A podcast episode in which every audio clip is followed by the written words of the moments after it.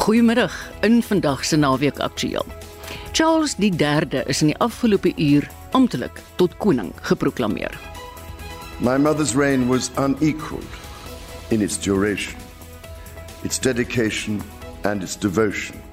I am deeply aware of this great inheritance and of the duties and heavy responsibilities of sovereignty, which have now passed to me. Ons hervat vandag ons indiepte verslaggewing oor vee diefstal in die Vrystaat. En twee petroljoggies in Robertson in die Wes-Kaap begin 'n sokkerspan om jong spelers te inspireer. Welkom by Naweek Aktueel. Die span vandag is redakteur Marlenae Forsie, produksieregisseur Lyle Petersen en ek is Marieta Kreer. Voort met die program om 5 minute oor 12. Koning Charles III het nou net amptelik sy eed afgelê om sy amp te bevestig. Verskeie hoëgeplaastes is in die troonkamer van die St James Paleis toegelaat. Dit gebeur selde dat die kamer vir die media en lede van die publiek oopgemaak word. Toeskouers van die geskiedkundige oomblik is volgens tradisie nie toegelaat om te sit nie. Hier's 'n uittreksel van die geleentheid. My mother's reign was unequaled in its duration, its dedication and its devotion. Even as we grieve, we give thanks for this most faithful life. I am deeply aware of this great inheritance and of the duties and heavy responsibilities of sovereignty, which have now passed to me. In taking up these responsibilities, I shall strive to follow the inspiring example I have been set in upholding constitutional government and to seek the peace, harmony, and prosperity of the peoples of these islands and of the Commonwealth realms and territories throughout the world. I take this opportunity to confirm my willingness and intention to continue the tradition of surrendering the hereditary revenues including the Crown Estate, to my government for the benefit of all, in return for the sovereign grant, which supports my official duties as head of state and head of nation. And in carrying out the heavy task that has been laid upon me, and to which I now dedicate what remains to me of my life, I pray for the guidance and help of Almighty God concerning the security of the Church of Scotland. I understand that the law requires that I should, at my accession to the Crown, take and subscribe the oath relating to the security of the Church of Scotland. I am ready to do so at this first opportunity. I, Charles III, by the grace of God, of the United Kingdom of Great Britain and Northern Ireland, and of my other realms and territories, King, Defender of the Faith, do faithfully promise and swear that I shall inviolably maintain and preserve the settlement of the true Protestant religion as established by the laws made in Scotland in prosecution of the claim of right, and particularly by an act intituled An Act for Securing the Protestant Religion and Presbyterian Church Government, and by the acts passed in the Parliament of both kingdoms for union of the two kingdoms, together with the government, worship, discipline, rights, and privileges of the Church of Scotland. So help me God. So is dit die nuwe koning Charles III. Ons verskuif die aandag nou na die nalatenskap van koningin Elisabeth II. Sy was lewenslank lid van die Associated Country Women of the World. Magdi de Kok is die wêreldpresident van die organisasie. Die organisasie is amper so oud soos die koningin self. En man Magdi sluit nou by ons aan. Goeiemiddag Magdi. Goeiemiddag Marieta. Goeiemiddag luisteraars. Ek het jou onlangs op RSG hoor praat oor die organisasie van julle. Gee ons net baie kragtig 'n idee wat is die doel van die organisasie? Ja, baie dankie. Ek was ook baie dankbaar dat daar blootstelling gegee was maandag ook um, aan die Associated Country Women of the World. Wel, ek kan vir jou dit so uh, noem dat die organisasie soos jy reg sê is al baie baie jare gelede gestig. Um met die doel om ondersteuning te bied en om vroue te verteenwoordig en hulle te verenig uh oor die wêreld. Ons werk in 84 lande. Uh ons het so min of meer 10 miljoen lede. En dit is wat ons doen want sedert die ontstaan van die organisasie het ons en dit ons doen dit steeds ons steeds is steeds is streef ons daarna om om vroue te verenig en met mekaar kontak te maak om hulle te mobiliseer uh, te, te mobiliseer sodat hulle toegerus kan word om as leiers in hulle gemeenskappe vroue en kinders te bemagtig. En ons doen dit deur uh, deur vriendskap en samewerking en op ander praktiese maniere. En ook die feit dat uh, hierdie organisasie uh, status het by die by die uh, Verenigde Nasies. En dit gee ons dan nou 'n platform ja. waar vroue uit die wêreld uit waar hulle stemme gehoor kan word. Maar nie, hoe was die ja, ekskuus tog? Ek moet net vir vrou, hoe was die koningin betrokke? Hoe was die koningin betrokke? Hoe was sy betrokke? Ja, ek dink jy het dit in die inleiding genoem, maar dit is waar. Uh die feit dat ons hoofkantoor in Londen is en dat ons ook funksioneer onder die gesag van die charity laws of the UK and Wales, dit bring ons natuurlik direk in aanraking met met die Engelse regering en die betrokkeheid uh, met die Britse koningshuis. So dit is so dat wyle koningin Elizabeth was die beskermvrou mm. van die uh, die Goed. Women's Institutes of mm. UK and Wales. En dit het haar dan natuurlik nou lewenslange lidmaatskap aan die Associated Country Women of the World gebied. Want jy weet, uh, organisasies wat met ons geaffilieer is, uh, daardie lede van die organisasies is dan outomaties lede van die organisasie en en dit is dit is die betrokkenheid met die koningshuis dan. Magtie het jy haar um, ooit in die uitvoering van jou hmm. pligte ontmoet? Nee, ek het haar nooit persoonlik ontmoet nie. Ehm um, sy het wel uh, by al ons kongresse, ons het elke 3 jaar het ons 'n um, internasionale konferensie. Uh, dit word in verskillende lande aangebied, uh, maar daar was altyd 'n verteenwoordiger van die paleis betrokke. Uh, wat dit wat dit bygewoon het. Spesifiek die opening natuurlik met al die luister wat met so 'n wonderlike wêreldkongres gepaard gaan, maar uh, en anders het ons boodskappe gekry van van haar. Maar ek moet noem dat ehm um, die organisasies soos ek gesê die die Women's Institutes, hulle was wel elke jaar genooi na die teeparty by die paleis wat sy aangebied het. Uh, en omdat hulle nou daar is in Engeland, was dit net so dat hulle president dit kon bywoon mm. en dan het ons ook altyd geleentheid gekry om 'n groot boodskap te stuur. Mag dit wat gebeur nou dat die koningin dood is? Gaan die verhouding met die koninklike familie voort? Uh, wel ja, ek ek uh, ek is seker daar dit is moontlik dat hierdie organisasie van wie sy die beskermvrou was sal uitreik na die koningshuis. Uh en ek is uh, baie seker daarvan dat hulle ander koninklike gaan vra om nou daardie posisie te vul. Um ek ek sal dit regtig so aanbeveel want jy weet vir ons organisasie is dit baie belangrik hierdie betrokkenheid van van van sulke prominente mense ja. Mense. Mm. Ons ons ons het dit ook met ander koningshuise koningshuise in die wêreld, maar spesifiek met koningin Elizabeth, um, omdat uh, ons dan soos ek sê ons kantoor in Londen is en ons daarbey betrokke is. Baie dankie Magtie, dit was Magtie de Kok, sy is die president van die wêreldwye Associated Country Women of the World. 13.5 minute oor 12. Verlede week het naweek aktueel deel 1 van ons spesiale vee diefstal storie oor die Vrystaat uitgesaai. Vandag volg deel 2. My buurman Bees van Blerk is 72 jaar oud. Ek het nou die aand vir hom gesê, as hy ophou boer, moet ons ook maar eintlik skei want hy is die buffer tussen ons en Lesotho grens. So vertel Niels Roos wat met skape en beeste boer op die 2000 hektaar plaas Bramhof tussen Clarence en Foriesburg. Roos het pas weer eens skade gelei weens die veeboewe. By my het hulle 49 skape gesteel en ons het van die 49 het ons uh, 46 teruggekry. Ons kort nog 3. Ons het een van hulle betrap saam met vee.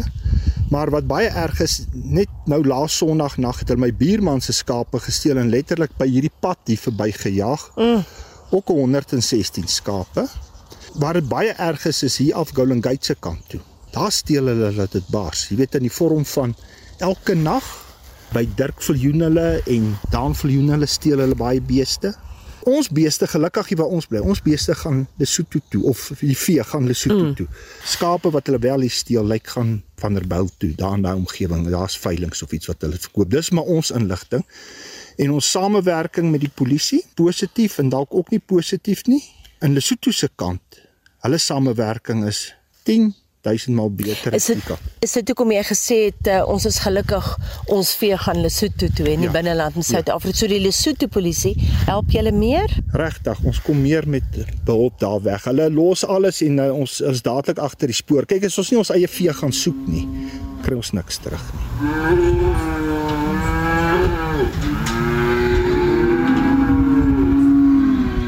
Linde Du Plessis boer al van 1974 af op die plaas Bloemhoek met skougehalte bramane, gewone beeste en skape.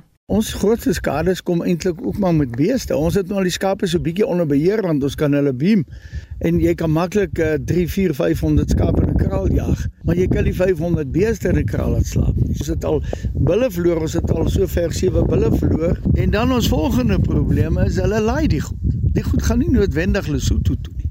Die goed word gesteel. Ons het nie bewys daarvan nie, maar dis ons vermoede dat daar's maar uh, organisasies of sal ek sê mense wat mense reël om die goed deur die grens te vat, deur van Lesotho af weer terug te kom Suid-Afrika toe en dan word hulle gelaai en dan word hulle geslag.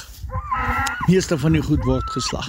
Jy moet vinnig ontslaa raak. Ek het 4 Brahman bulle verloor en 'n wit Brahman bulle, ek meen jy sien hom op 'n myl daar's nie eers sprake daarvan om skaap buite te laat slaap. Ons nie al die skaap moet gekraal word. Ons tel elke dag al die skape. Ons is nou besig om uh die skaapkrale beams op te sit. Ons kry hulle nie gevang nie, maar ons kry dan dit gestop dat hulle verder beesteel vir die nag, jy weet. Al maak jy hulle in 'n kraal toe, hulle knip nog die draad ook stukkend van die kraal en dan steel hulle die skaap uit. So ons moet die beams opsit. En hoeveel kos dit jou? Ag, uh, nie is 'n baie groot kraal nie van so 40 by 40 kos ons plus minus 20 25000 rand.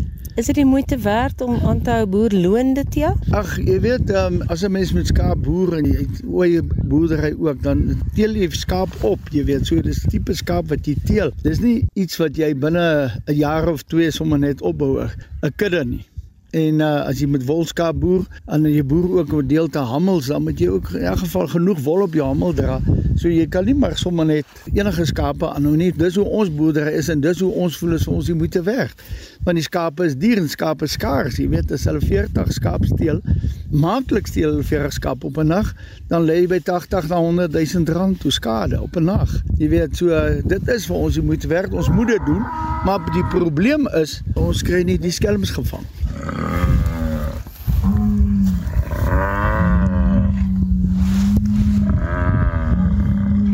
Sommige boere kry wel met groot moeite hulle vee terug. 'n Sprekende voorbeeld is die 56-jarige Johan Prinsloo wat 'n loopbaan as vleenier verruil het vir wat hy gehoop het 'n rustiger bestaan sou wees. 3 weke terug het hulle 65 van my skape gesteel. Almal uh, dragtige oeye. Dit was 'n Saterdag aand. So die Sondagoggend het ons uh, die spoor gesny en dit is deur Lesotho toe. Ek het my werkers deur die rivier gestuur en daar het hulle toe met van die uh, mense wat daar in die klein nedersettingkies woon gepraat en agtergekom dat die groep daar verby is. Hulle het dit toe die middag so 5uur het hulle dit in boete boete het hulle die skape gekry. En toe?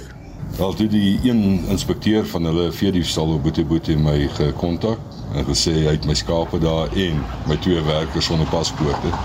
Sê ek laat my werkers gaan, hulle sal weer terugkom soos hulle gegaan het. Ek is die maandag toe deur. Dinge vat bietjie lank. Hulle was 3 mans wat die skape gesteel het. Twee het weggekom, maar een van die wat weggekom het, het sy paspoort en sy identiteitsdokument in die ander een se rugsak gelos. So uh, hulle behoort om binnekort te kan opspoor. Vir jou is dit eintlik 'n goeie storie. Jy het jou skape teruggekry. Ja, hulle was een. behalwe een. Ja. Hulle was dragtig. Hoeveel sou so skaap kos? Wat sou die verlies aan so 'n skaap wees? Uh, dit is plus minus uh, 3000 en dit kan 'n bietjie meer ook wees. Voel jy jy wil aanhou boer hierso gegee die stres en die moeilike omgewing en die moeilike omstandighede? Ja, dit is uh ek wil my vorige werk wat ek gedoen het was ook maar stresvol geweest en dit. Kyk, ek is hier, ek hou van die omgewing. Ek wil graag hierso bly. 'n Mens moet doen wat jy kan doen, ja. Johan, hoe beskerm jy jou vee? Ek uh, kraal van hulle en dan het ek ook uh beams en nou na die laaste diefstal is nou in die proses om uh, kameras ook op te sit. By skape slaap jy almal saam nie. Dis verskillende klein kampies waar hulle is. So ek het verskeie kameras nodig. En uh dit kos ook heel wat geld. Ek wil nou juist vra wat kos hierdie hele oefening jou om nou verder te beveilig? Wel, ek sal 'n baie mooi stoetram of twee kan koop met daai geld. Hoeveel van die boere gaan haal hulle skape in Lesotho soos wat jy nou gaan doen dit? Is dit 'n algemene praktyk? Die mense is nou so moeg, hulle gaan eenvoudig en kry hulle terug. Ja, dit gebeur gereeld. Wat gewoonlik gebeur, die mense stuur die werkers op die spoor en dan gaan ons nou uh, wettiglik deur die grenspos. Die skape wat gesteel word, jy het gepraat van aanvanklik was dit maar net vir die pot, een of twee en jy het hulle teruggekry en so aan. Maar is daar groot syndikaate by betrokke, byvoorbeeld met jou skape wat laas keer gesteel is? Is dit maar net mense wat op hulle eie steel of is dit deel van 'n syndikaat in jou spesifieke geval, Johan? In my geval is dit deel van 'n syndikaat. Ongelukkig vir die diewe, hulle kry 'n baie klein persentasie van die wins kan 'n mens maar sê. Hulle was op pad om dit te lewer aan een van hulle smokkel syndikaate. En die polisie kry jy samewerking van hulle die vee diefstal eenheid. Hoe voel jy oor hulle? Help hulle? Ek moet sê ek het 'n positiewe ervaring gehad met die Lesotho vee diefstal eenheid. Ek het met die in Suid-Afrika het ek hulle net ingelig dat ek my vee opgespoor het. Hier's 'n weermag teenwoordigheid. Hulle bly in 'n uh, basis hier so op uh, Vriesburg. Maar uh, Hulle is nie baie genee om observasieposte te hou langs die grens nie. Myns insiens as hulle 3 of 4 observasieposte het, kan hulle basies die hele grens van Ficksburg tot waar mense oor die Witteberge gaan, kan hulle dek. As jy hierdie grens moes beveilig, wat sou jy doen? Kyk, ons grootste probleem is ons het nie 'n bekostigbare chip wat ons in die nekvel van die bees kan sit of die skaap om geïdentifiseer te word as hy uit jou grens uitgegaan het. En as ons dit het en jy het uh, twee choppers in hierdie omgewing van ons af tot by Ficksburg verby na Klokkelaan se kant toe en dan verder af nog een of twee wat kan reageer of drones wat die skaad kan verskaf. Anders moet die boereverenigings dit koop, maar ons het nog steeds nie 'n bekostigbare chip om in die beeste te sit nie. Die chips is te duur. Wat van ons kommersiële beeste? Ek meen, as hulle koeie steel en dis waarmee hulle boer of dis wat hulle slag. Dis wat noodsaaklik is om te kan hê. Ons kan maan toe vlieg, maar ons kan nie 'n bekostigbare chip maak om hulle beeste sit. Maar Linde, jy wat nou so praat van drones, ek hoor nou by van die boere hier dat die diewe gebruik drones om ja, te kyk. Ja, moontlik heel moontlik die rou besoetlander kom maar deur met honde en so. Maar as die geding gespesialiseerd is, dan het hulle beslis drones om om hulle te help. Maar sou die polisie dan nie kon help nie? Ag, geringe mate van hulp, die polisie self, maar vir die stal eenheid byna niks, eintlik glad nie. Hoekom? Geen samewerking. 'n Sentiment wat JL Mans wat 'n halfuur se stap van die Lesotho grense af boer, deel. Op hierdie stadium het ons besef dat die weermag en die polisie albei betrokke is by hierdie veediefstal syndikaate en ons geen reaksie uit hulle uit verder sal kry nie. Die polisie sal ons nie wegkry uit Voriesburg area uit nie. Maar ons as boerevereniging kan wel probeer om die army en die weermag hierso te laat verwyder en te sê hulle is geensins betrokke nie en hulle is net besig om belastingbetalers se geld te mors. Niels Roos van die plaas Braamhof is ewe skepties oor hulp van die owerheid af. Wat gaan dit help? Hier by ons is wet en orde nie meer van toepassing. As jy hom basies vang en jy vat hom polisiestasie toe of wat, hulle maak dalk 'n saak oop of wat, maar hy kom niks oor nie. Hy's oor 2 dae of 'n week is hy weer vrye voet. Dis my ondervinding. En die weermag se betrokkeheid help hulle het hulle jou al gehelp op enige manier? Van die Suid-Afrikaanse weermag, die kant letterlik niks. Roos bedink daagliks nuwe maniere om die boewe te fnuik. Ek het die belde nie. Kyk, die beste waghond op die oomblik is maar inligting. Mhm. Mm en ons het by al die troppe skape en goed het ons wagters. Op die een plaas, die ander kant het ons 'n gewapende wag. Nou. Die diewe wat kom om te steel, is hulle gewapen? Party van hulle lyk is gewapen, maar ek het nog nie gewapenes teëgekom nie. Ek het nog nie maar die storie is ek weet nou uh, hier by Clarence het hulle daar uh, by Johannes Leroe vier beeste gevat En daai vee diewe die vee diefstal eenheid van Suid-Afrika van Kestel het hulle gevang in Kwakwa. Toe was hulle gewapen en die vuurwapen kom blykbaar van Standerton af. Dat dit georganiseer is is definitief en wat makliker maak deesdae die kommunikasie, hulle met hulle selfone, maar die groot ding is hulle live die skape en die beeste op hierso langs die pad in die nagte en dan as jy die polisie bel en hulle sê hier is 'n voertuig met 'n waantjie of 'n ding dan hmm Ek weet nie of hulle iets aan doen, hulle ignoreer dit. So as jy nou gaan jy gaan haal jou vee nou terug uit Lesotho, hoeveel keer het jy nou al gegaan jou vee terughaal dan word hulle weer gesteel? Kyk. Hydag hier by my. Is dit nou vanjaar nou nie so baie erg nie, maar vroeër al. As jy die nag hulle gaan haal, die volgende dag kom steel hulle weer uit 'n ander kamp uit. Is jy lus om aan te hou boer? kyk, ons moet die boer want waarna toe gaan ek anders? As jy sien nie waar ons bly, ons bly eintlik op Psalm 23. Ons moet bly boer.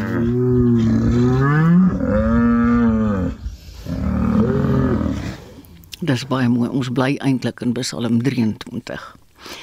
Anita het so hard gewerk aan hierdie reeks oor die vee diefstal. Dit sy nou meer as 'n maand lank in Frankryk vakansie hou. Dis hoekom ek ook vandag en volgende paar Saterdae vir haar instaan. Johan Pieter sê dit wel die insetsel tegnies versorg. Brigadier Sam Magelle van die SAPD se vee diefstal eenheid wou nie reageer nie omdat geen spesifieke saak teen die polisie geopen is nie. Die brigadier sê die polisie reageer nie op veralgemenings nie. Die weermag se woordvoerder, brigadier Andries Mampane, het ons verwys na 'n algemene media e-pos. Maar daar was geen reaksie op ons navraag oor die weermag se beweerde betrokkeheid by vier diefstal nie. Jy luister na Naweek Aktueel op RSG, dit is nou 27 minute oor 12. Iets heeltemal anders. Sake met betrekking tot die reg op onderwys en gelykheid in die klaskamer is veral in die Oos-Kaap 'n probleem. Die inligting is onlangs deur die Menseregte Kommissie bekend gemaak tydens 'n konferensie van skoolhoofde in Kaapstad. Intussen is die onderwysgemeenskap die afgelope week geskok toe 'n graad 10 leerling, na bewering, 'n adjunk skoolhoof se kar aan die brand gesteek het omdat sy selfoon gekonfiskeer is. Vir meer oor leerlinge en onderwysers se regte, praat ons nou met die menseregte kommissaris advokaat Andrei Gam. Hallo Andrei. Uh goeiemiddag en goeiemiddag aan al die luisteraars. Kom ons begin by die leerlinge. Waaroor kry julle ouens die meeste klagtes?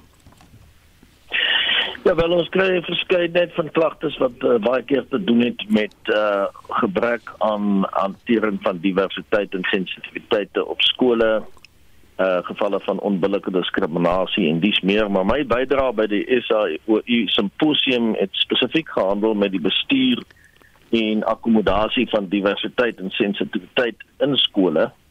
Uh met die koms van 'n grondwetlike demokrasie met die handves van menseregte was daar 'n doelgerigte verskuiwing van 'n omgewing wat 'n homogene deel van die Suid-Afrikaanse demokratiese werklikheid gedien het na 'n spreekwoordelike speelgrond vir uh, inklusiwiteit of van inklusiwiteit.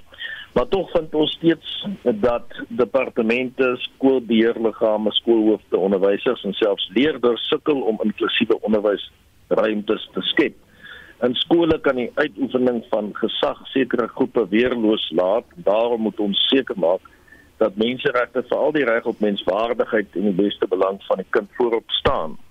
Baie skole sukkel tot 'n mate om hulle homogene DNA af te skud en volg eerder 'n proses van assimilasie. Met ander woorde dat die leerders van minderheidsgroepe of dit nou te doen het met seksuele oriëntasie of ras of kultuur wat ook al die geval mag wees, dat hulle moet verander om in te pas So die skool uh, besef nie dat uh, die skool na haarself moet kyk om te verander om by die diverse en demografiese veranderende skoolpopulasie in te pas nie en aan te pas nie. Regter Albie Sachs het in die Prinssaak gesê en dit al aan the test for tolerance comes not in accepting what is familiar and easily accommodated by, by but by uh, giving reasonable space to what is unusual, bizarre and even threatening. Die grondwet het ook die grondwet hof het ook bevind dat uh, en ek al weer eens aan our constitution requires the community to affirm and reasonably accommodate difference not merely to tolerate it as a last resort.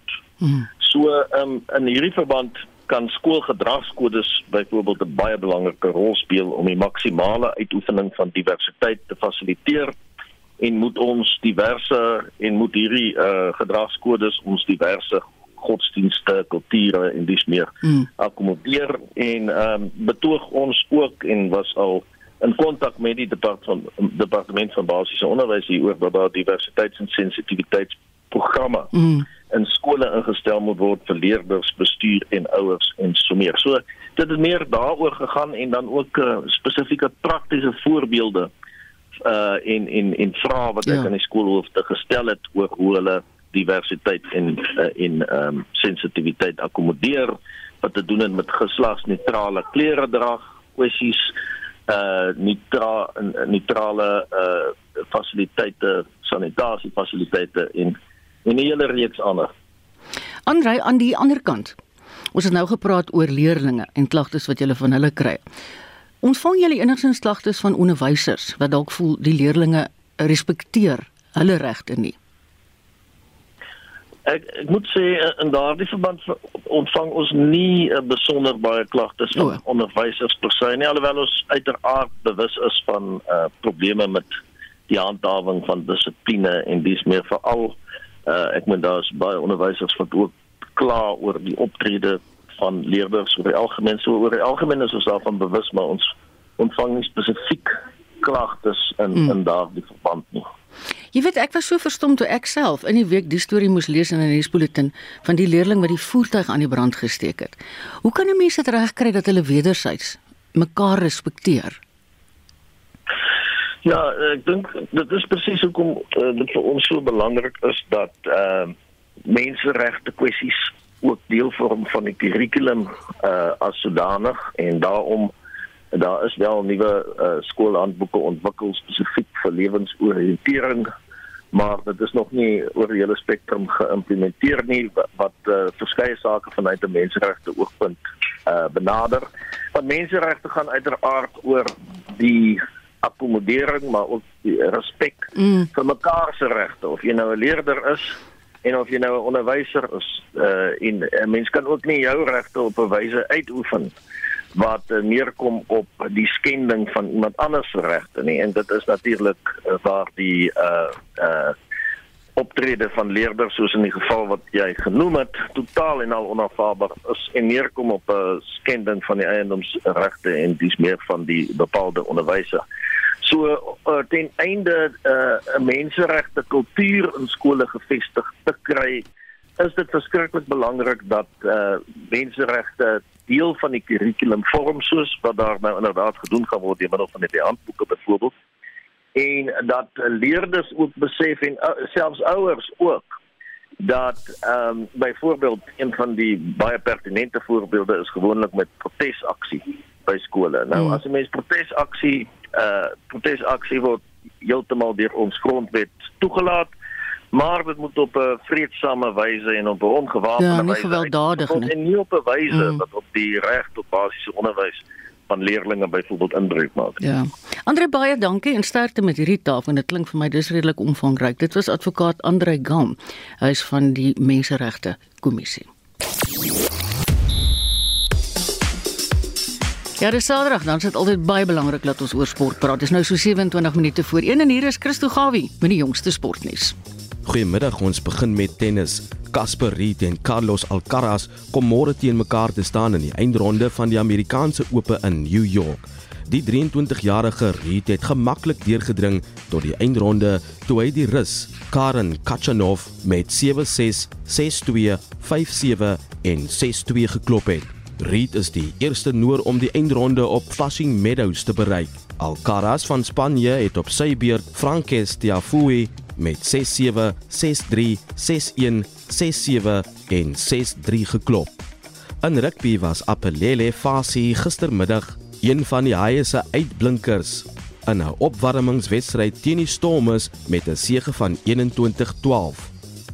In sokker het SuperSport United 3 DStv Premierliga oorwinnings nadat hulle Maritzburg United gisteraand in die Harry Gwala Stadion met 2-1 geklop het.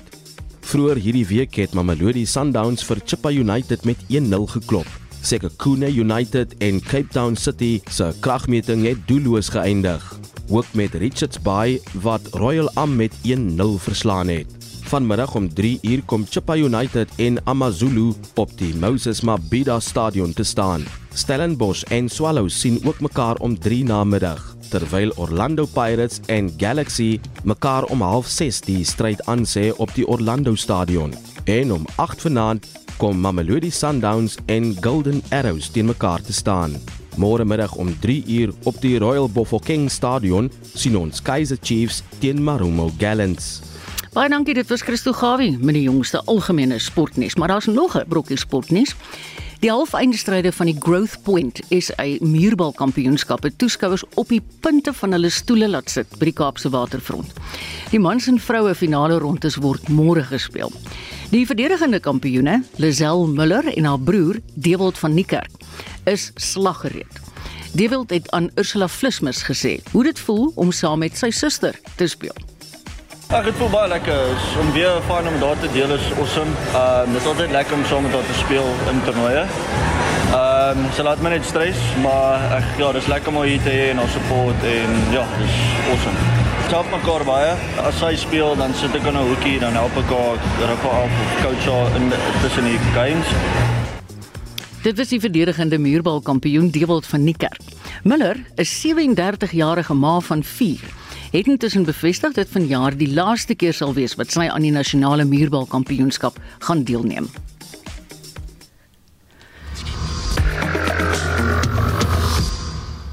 En nou ander nuus op eie bodem.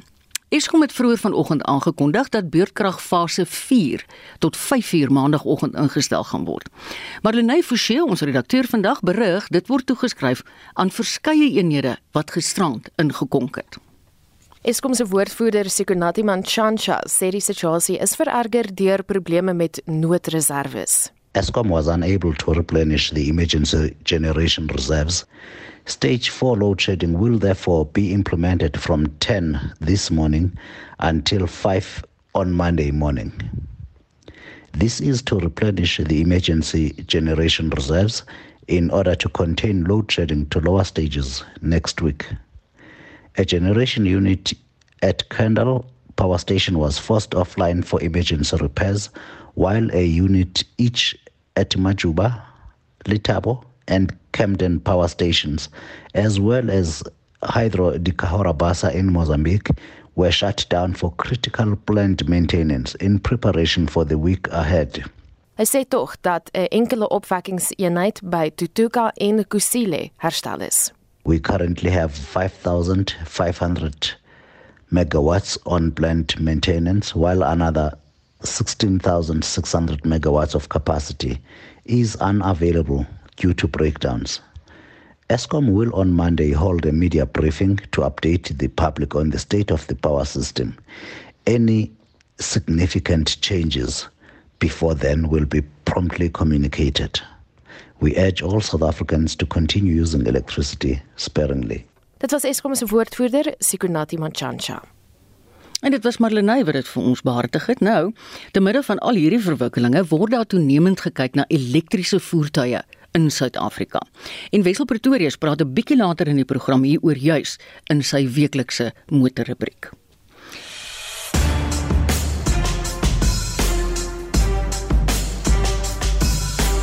Ek het 'n brief van Johan Pietersen van Johannesburg ontvang.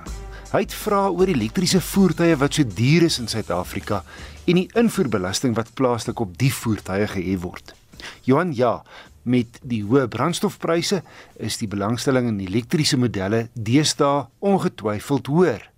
In die eerste 6 maande van die jaar was aanlyn soektogte 102% hoër as die ooreenstemmende tyd verlede jaar. Die probleem is net EV's soos die voertuie kortweg bekend staan is buite verhouding duur in Suid-Afrika, soos jy tereg opmerk. En ek seker gereelde beerdkrag help nie EV se saak nie. Verder is ons infrastruktuur gebrekkig en ons lang afstande problematies. 'n Elektriese Mini byvoorbeeld loop net 215 km ver voordat hy gelaai moet word. Maar daar word hard aan EV's se ryafstande gewerk. Jaguar se I-Pace kan al 470 km haal. Ek het Johan se brief voorgelê aan Isak Lou. Hy is Jaguar Land Rover Suid-Afrika en Sub-Sahara Afrika se woordvoerder. En my vraag aan hom was hoe die volelektriese Jaguar I-Pace se invoerbelasting verskil van die diesel, petrol en hibriede voertuie wat hulle invoer. Hy antwoord dat daar op EV's 25% invoerbelasting betaal word teenoor ander voertuie se 18%. Boonop skryf hy is daar 'n ekstra luukse goederebelasting op EV's wat beteken dat 42% van 'n EV se verkoopprys belasting is. Dis die hoofrede hoekom maar tans nog net 867 EV's in die land geregistreer is, aldus Isak. En dis hoekom 'n elektriese 3-deur Mini 'n hele ent anderkant 700 000 rand kos. En dis die tweede goedkoopste elektriese voertuig plaaslik. Die goedkoopste is 'n stadskarretjie vir 230 000 rand wat net 60 km/h kan haal. So ons regering sien EV's as 'n luukse item en nie as 'n moontlike oplossing vir 'n skoner omgewing nie. En hoewel elektrisiteitsopwekking in Suid-Afrika steenkool gedrewe is, sê die kenners dat EV's steeds 'n skoner opsie is, alles in ag genome. Verlede jaar was 13% van alle nuwe voertuie wat wêreldwyd verkoop is, vol elektries. En die syfer styg jaarliks. Wat help is dat talle lande aanloklike aansporings het om 'n nuwe EV aan te skaf. Byvoorbeeld in Noorwe kry jy 25% afslag. In Brittanje kry jy die ekwivalent van R70000 terug. Net mooi die omgekeerde geld in Suid-Afrika. Maar die feit van die saak is Suid-Afrika wat sterk steun op uitvoere, sal so gou moontlik elektriese voertuie moet vervaardig. Anders gaan die res van die wêreld ons agterlaat. En EV's aantreklik maak vir die plaaslike mark, prysgewys en andersins. Die regering het al in Mei verlede jaar 'n groenskrif in die verband bekend gestel, maar die wetgewing sloer. Moeder navra kan na my e-pos word. My adres is wissel@rsg.co.za. Dit is 'n baie mooi storie wat nou kom. Twee petroljoggies van Robertson, Aliwanga Nkaku en Lunga Gunundu, het 'n nuwe sokkerklub begin om jong sokkerspelers in hulle gemeenskap te inspireer. Baie van hulle kollegas het ook ingespring om die span 'n werklikheid te maak. Vincent Mofokeng het gaan uitvind. Honor, courage and glory is is is our slogan. 1 2 3 Dream Tigers! Die Dream Tigers sokkerklub is gestig om die Robertson gemeenskap op te hef en skoolseuns en jongmans wat by die klub aangesluit het, sielkundig voor te berei op die lewe. Die mede-stigter en afrigter, Aliwanga Ngaku, verduidelik. So we sat together with Lunga and decided to form a new team which is Dream Tigers to help kids to be able to do something just to try them and get them out of the streets because we wanted to revive their careers as well and try to take them further with their careers. Sokker bruis deur Ngako en Gunundu se bloed en hulle entoesiasme is aansteeklik. We both have a lot of passion about soccer. He's an Orlando Pirates fan. I'm I'm Kaizer Chiefs. But uh, yeah, we both have a lot of passion about soccer. We do watch soccer when there's tournaments in the location. Every time when we are at work, we always our subject is always about soccer. We follow a lot of football clubs, Even our uh, social networks are full of uh, soccer news. So it's always about football. Even from the first time we met, I think it's football that made our friendship to be to be to be this strong. So that's why it was easy for us to form this this football club. Volgens Kunundu vorder die span reeds goed. Hulle het al verskeie wedstryde gewen. The project is coming good. We had a tournament last last week Saturday. We had a win of 6-4 of 6-4 and we lost our second game. That was a very tough match, a good team. They've been around for a long time playing against us. We still new trying to figure out how we're going to play. But then yeah, it was a good match even though we lost. Dream Tigers maak staat op borge. 'n Riem onder die hart vir die stigters. It's good man, yeah. It's good, very good. Uh we did apply for a sponsorship.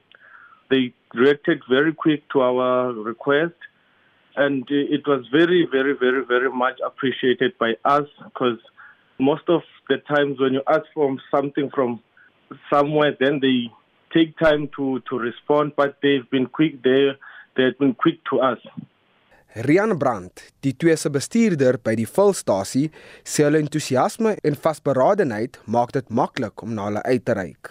Dit het eintlik maar baie spontaan gebeur. Hulle het ons genader en gesê dit is iets wat hulle wil begin, maar onthou die manne het niks sien hè en uh al wat hulle het is hierdie ongelooflike ek wil amper sê karaktereienskap van hulle hulle het 'n passie vir die jong mense en dan ek glo vir die sport ook, maar ek dink die sport is meer 'n 'n voertuig en uh om rolmodelle te wees vir ander jonger mense en toe het hulle met ons kom praat en gesê hulle het eintlik niks of so maniere so ons hulle kan help en en dan maak dit eintlik baie maklik om betrokke te raak want die maklike deel is mos nou maar om net die geld te gee. En en hulle is die ouens wat wat letterlik hulle werk dag en nag buite en ek weet op die rybaan in die son in die reën winter en somer. So naweke en en aftye vir hulle is baie belangrik. Nou as hulle bereid is om dit nog op te offer ook buite en dit hulle kry eintlik niks uit dit is vir ander jong mense dan is dit baie maklik om betrokke te raak. Dit is maar net aangebied of gevra wat hulle nodig. Dit was Rian Brandt die bestuurder van die vulstasie waar die Dream Tiger sokkerspan se afrigters Aliwanga Ngako en Lunga Kunundu as petroljoggies werk. Ek is Vincent Mufokeng vir SAI Garnis. Ja, maar dit sulke stories ook in jou lewe nodig. Engeland en Suid-Afrika se derde krieketoets het nadat dit twee keer uitgestel is, vandag begin op die Oval in Londen. En ons skakel nou oor na Johan Tormalen. Goeiemôre Marietta, dit is dan nou dag 3 uh, van hierdie toets op die Oval in die suide van Londen alhoewel dit eintlik in die fik soos jy gesê het dag 1 is. Die eerste dag het uitgereën, dit was nou donderdag geweest en die tweede dag wat toe afgelas is weens die afsterwe van koningin Elizabeth die tweede en uh, ook 'n interessante wedstryd wat ons dan gaan sien want dit begin 'n toets wees van slegs 3 dae. Dis nou nou vandag, môre en maandag. Die reeks wees 1-1 nadat Suid-Afrika die eerste toets gewen het, Engeland die tweede een en ons uh, het die afgelope paar dae inderdaad vreemde scenario's sien afspeel en ook 'n hartseer tyd in Engeland met die dat koningin Elizabeth oorlede is. Ehm um, die spanne wat ook voor die wedstryd 'n oomblik van stilte ehm um, gehou het ter nagedagtenis van haar en Engeland wat die eerste keer God Save the King gesing het nadat Prins Charles dan nou vanoggend amptelik ingehuldig is as koning Charles in Engeland. Maar kom ons kyk wat in die toets gebeur. Die lood, die was wel donderdag. Is dit reeds geneem deur Engeland? Engeland het die lood gewen. Ben Stokes het Suid-Afrika ingestuur om te kolf en tot vanoggend het daar nou niks op die veld gebeur nie. Wat die spanne betref, uh, Hallo Johan. Oh? Hallo Johan. Ja, jy's weer daar. Gaan gerus voort. Ek is daar.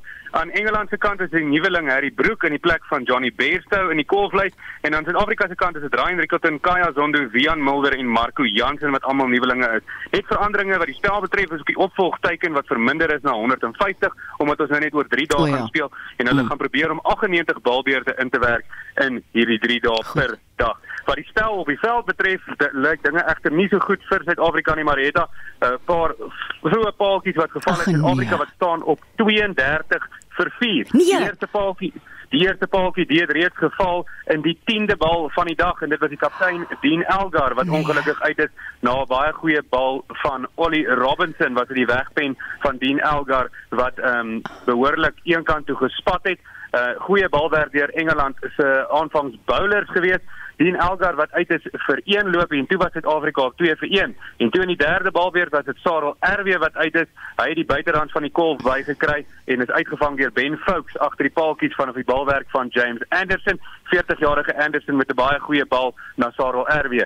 So Dean Elgar is uit vir 1, Sarel RW uit vir 'n nulletjie. Keegan Peterson, die is ook skoon gebal deur nee. Ollie Robinson vir 12 lopies en uh, dit was ook sy wegpen wat Keegan Peterson ongelukkig nie hou gespeel het nie in die bal wat sy penne getref het. Dan is Ryan Rickelton 'n paar balle gelede uit ook vanaf die bal, dit was van die balwerk van Stuart Broad na 'n goeie bal van Ben uh goeie bal deur Stuart Broad wat Ben Fox agter die paaltjies gevang het. Ryan Rickelton dis is uit vir 11. So voor die paaltjies het ons dan vir Kaya Zondo, die nuweling wat in sy eerste toets golf het wel al 'n toets gespeel. Hy staan op 5 lopies en Karl Verreine, die paaltjie wagter, het nog 'n nulletjie. Hy het nog geen lopies nie. Maar dit is dan ook Karl Verreine wat nou uit is.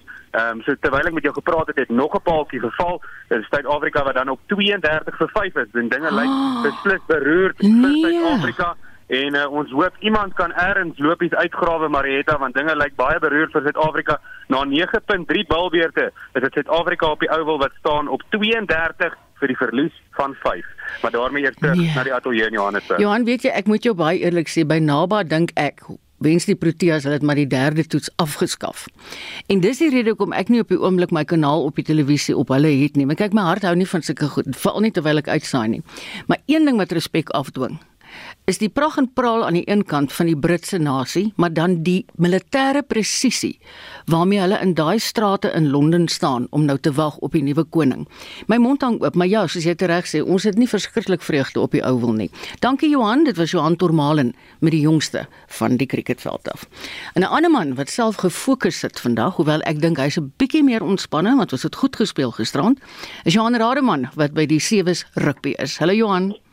Hallo, ja, maar ek moet vir jou sê, um, ek het ook sleg doen hier, en dis dat die vroue weer verloor het, maar die mans is nog in die prentjie, hulle gaan die heel laaste wedstryd speel. Ehm um, Maar jy het dit vir jy het dit voorspel, Johan. Jy het dit voorspel. Jy het van Kaap te goeie hoop gepraat. Die beker kompetisie wat die mans betref, Ierland teen Suid-Afrika, as ons daar vanaand wen, het ons in die semifinaal Nieu-Seeland wat wag. Hulle is die hulle speel teen Argentinië, maar moet ek eers Argentinië klop. Dit gaan 'n baie groot semifinaal mm. wees dan. Maar kom ons kyk gou wat het vanoggend gebeur. Sommer vroeg al is dit die plaatskompetisie in die Uiden ronde vir mans wat plaasgevind het en daar het Duitsland deurgedring om teen Tonga te speel nadat hulle ehm um, vir Port, vir Portugal gewen het 21-14. Hulle sou baie opgewonde wees oor daardie oorwinning. Hong Kong het teen Zimbabwe gewen as die Hong Kong 7 span en uh, dan uh, Uganda wat teen uh, Suid-Korea geseëvier het met 12 punte teenoor 0 en Tonga het maklik gewen teen Jamaica 17 punte teenoor 0. So Duitsland en Tonga wat deurgaan om 2 uur en dan Hong Kong teen Uganda om so half 3. Die kwartfinale uitdaging is op die oomblik aan die gang en daar gaan dit ook goed met nog 'n Afrika kontinent span. Dis Kenia wat voorloop met 24 punte teenoor 0, maar vroeër reeds in die uitdaging kwartfinale vir mans is dit um, Engeland 35-0 wat gesien vier het en hul kaptein Reddick het vier van daai vyf verdoelde drie het hy self verdoel. En uh, Kanada teen Uruguay, Uruguay C4, die Suid-Amerikaners baie bly oor daardie oorwinning van wow. 19-7 en die FSA so pas 33-5 geseëvier teen Wallis. En um, net so ten slotte Suid-Afrika wat teen Japan eintlik die wedstryd op 'n skinkbord vir hulle gegee het in die vroue kwartfinale in die uitdag ja. en uh, Nadine Roos het 7 punte aangeteken. Sy was weer 'n uitblinker. Teen die einde was daar drie geleenthede waar Suid-Afrika die 12-14 telling kon omkeer in 'n oorwinning, maar onoordeelkundig en oorywerige uh, spel het dan daartoe gelei dat Japan vir Suid-Afrika yeah. klop 14-12. Ag Johan, dit is nou regtig nie goeie nuus nie, maar weet jy, ek het vanmôre myself nigter geskrik. Toe ek sien ons speel vanaand 10:33 teen uh, Ierland, die mans. Ja. Jy is 100% reg. Dit is um, 10:33 en dan môre sal daar 'n bietjie vroeër wees. Maar dit is 'n baie baie lang dag omdat daar baie uitdinge is vandag vir mense om deur te gaan en mm. al die verskillende skuld, die uitdaag. Sien al, al die mense wat uitval, kry ook weer 'n geleentheid om silwerware te kry. Maar weer is derde prys en tweede prys en is eerste prys om vir die beker finaal te speel. Oh ja. So dis die grootte vir al hierdie naweek die rugby wêreldbeker trofee wat op die spel is in die mans en die vroue afdeling. Johan geniet dit namens my ook. Dit was Johan Rademan van RSG. Is nie jou beste hou nie meneer. Ja, klomp dinge maal in my kop. Aftrede is angswekkend. Maar meneer, met 'n Nedbank elektroniese Optimum Plus rekening kan jy 'n effektiewe rentekoers van tot 12.4% kry. Ernstig? Dood ernstig. Meer geld vir jou aftrede. Wil jy 'n bank hê wat jou geld vat of 'n bank wat ernstig is oor jou geldkeuses? Maak 'n Nedbank elektroniese Optimum Plus rekening op die Nedbank Money app oop. See money differently. Nedbank. Ons is 'n gelisensieerde FTV en geregistreerde kredietverskaffer. Besenfees geld. By Shoprite bied ons die grootste babadoekbesparing van die jaar, slegs hierdie naweek. Gebruik jou kaart en spaar 45% op 'n waardepak Huggies Dry Comfort doeke vir slegs R99. Dis 'n massiewe besparing van R80. Moenie hierdie ongelooflike aanbieding misloop nie. Net die naweek. Gelde Vrydag tot Sondag, 9 tot 11 September. Aanbiedinge beperk tot 3 per klant. Shoprite. Laer pryse wat jy kan vertrou altyd. Wees daar vir die skare. Wees daar vir die gees. Wees daar met die kraakvars smaak van Kase Lager. Kyk hoe stuur die bokkel suidelike teenstanders sak en pakke huis toe. Hakka en al in die Kase Lager Rugby Kampioenskap. 'n Epiese kragmeting tussen die Springbokke, Nieu-Seeland, Argentinië en Australië. Teken in by kaselager.co.za en staan 'n kans om kaartjies na die volgende wedstryd te wen. Kase Lager. It's within. Geniet verantwoordelik nie vir persone onder 18 nie. Jy luister na Naweek Aktueel elke Saterdagmiddag tussen 12 en 1. En so laaste interessante bydra, die planeet Jupiter is tans nader aan die Aarde as wat dit in dekades was, maar wat is die impak daarvan? Dr. Roan Stein is 'n navorser en 'n dosent by die Ruimte Navorsingsentrum by Noordwes Universiteit. Hallo Roan. Uh, goeie, goeiemôre Mariet. Dankie vir die geleentheid. Hoe ver is Jupiter nou van die Aarde af? Ja, uh, maar jy het so gewoonlik is uh, Jupiter um, so 5.2 AU weg van die aarde af ons uh, kort maar hierdie afstande af in in in die uh, sonnestelsel 1 AU is die gemiddelde afstand tussen die aarde en die son wat gewoonlik so 150 miljoen kilometer is en Jupiter is gewoonlik nou 5 keer verder van ons af as wat uh, as wat die son is. Nou op hierdie stadium uh, is hy die naaste aan die aarde soos wat jy gesê het in 70 jaar um, en op die 26 September spesifiek die aand mm. sal hy net 3.9 AU weg wees van aarde. Dit is omtrent so 591 miljoen kilometer of uh, 33 ligminute. Yes, like. Waar kan ons gewone sterflinge nou vir Jupiter in die hemelruim sien? Ja, so ehm um, die die lekker ding van die die, die nou is om om te kyk is dat hy is presies oor kan die son, so dit beteken uh dat uh, hy mm. gaan sodra die son af is, dan um, kom hy op in die ooste en dit is by verre die helderste uh, voorwerp wat mense sien sy magnetiede uh vir vir ons uh, amateur uh astronomer daar buite is minus 2.9, so hy is baie helder en baie maklik om sommer met die blote oog te sien. Wow. Wat maak Jupiter so uniek in vergelyking met ander planete, Roan?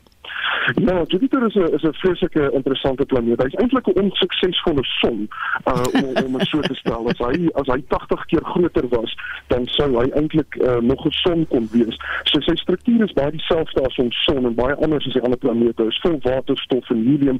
Hy het 'n massiewe magneetveld wat beteken dat mens sien die mooiste mooiste aurora ja. um uh, in in die noord op die noordpool en die suidpool van Jupiter. Um en uh, sy sy magneetveld is is is 20 maal sterker hmm. as die van die aarde. En uh, interessant genoeg uh sien nou maar Jupiter sou van so aard wees 'n vaste planeet waar ons kon land. So ons definitief nie daarvoor oorleef nie as gevolg van die feit dat uh, op die aarde is die uh, gravitasieversnelling amper 10 meter per sekonde kwadraat maar op uh, op op Jupiter uh. is dit 25 meter per sekonde kwadraat. So dit kan geen mense hart sal kan klop op Jupiter nee nee jy's reg. Daar's jy baie reg. Roan ontsettend dankie. Dis so interessant waarmee jy jou besig hou. Dis dokter Roan Stein navorser en dosent by die Sentrum vir Ruimtenavorsing aan die Noordwes Universiteit. Namens ons uitvoerende regisseur Nicoline de Wee, vandag se redakteur Marlenae Forsie, ons produksieregisseur Lyle Petersen, sê ek dankie dat julle ingeskakel was. Geniet die naweek in die geselskap van RSG en Renske se reg met die 1 uur nuus. Mooi loop.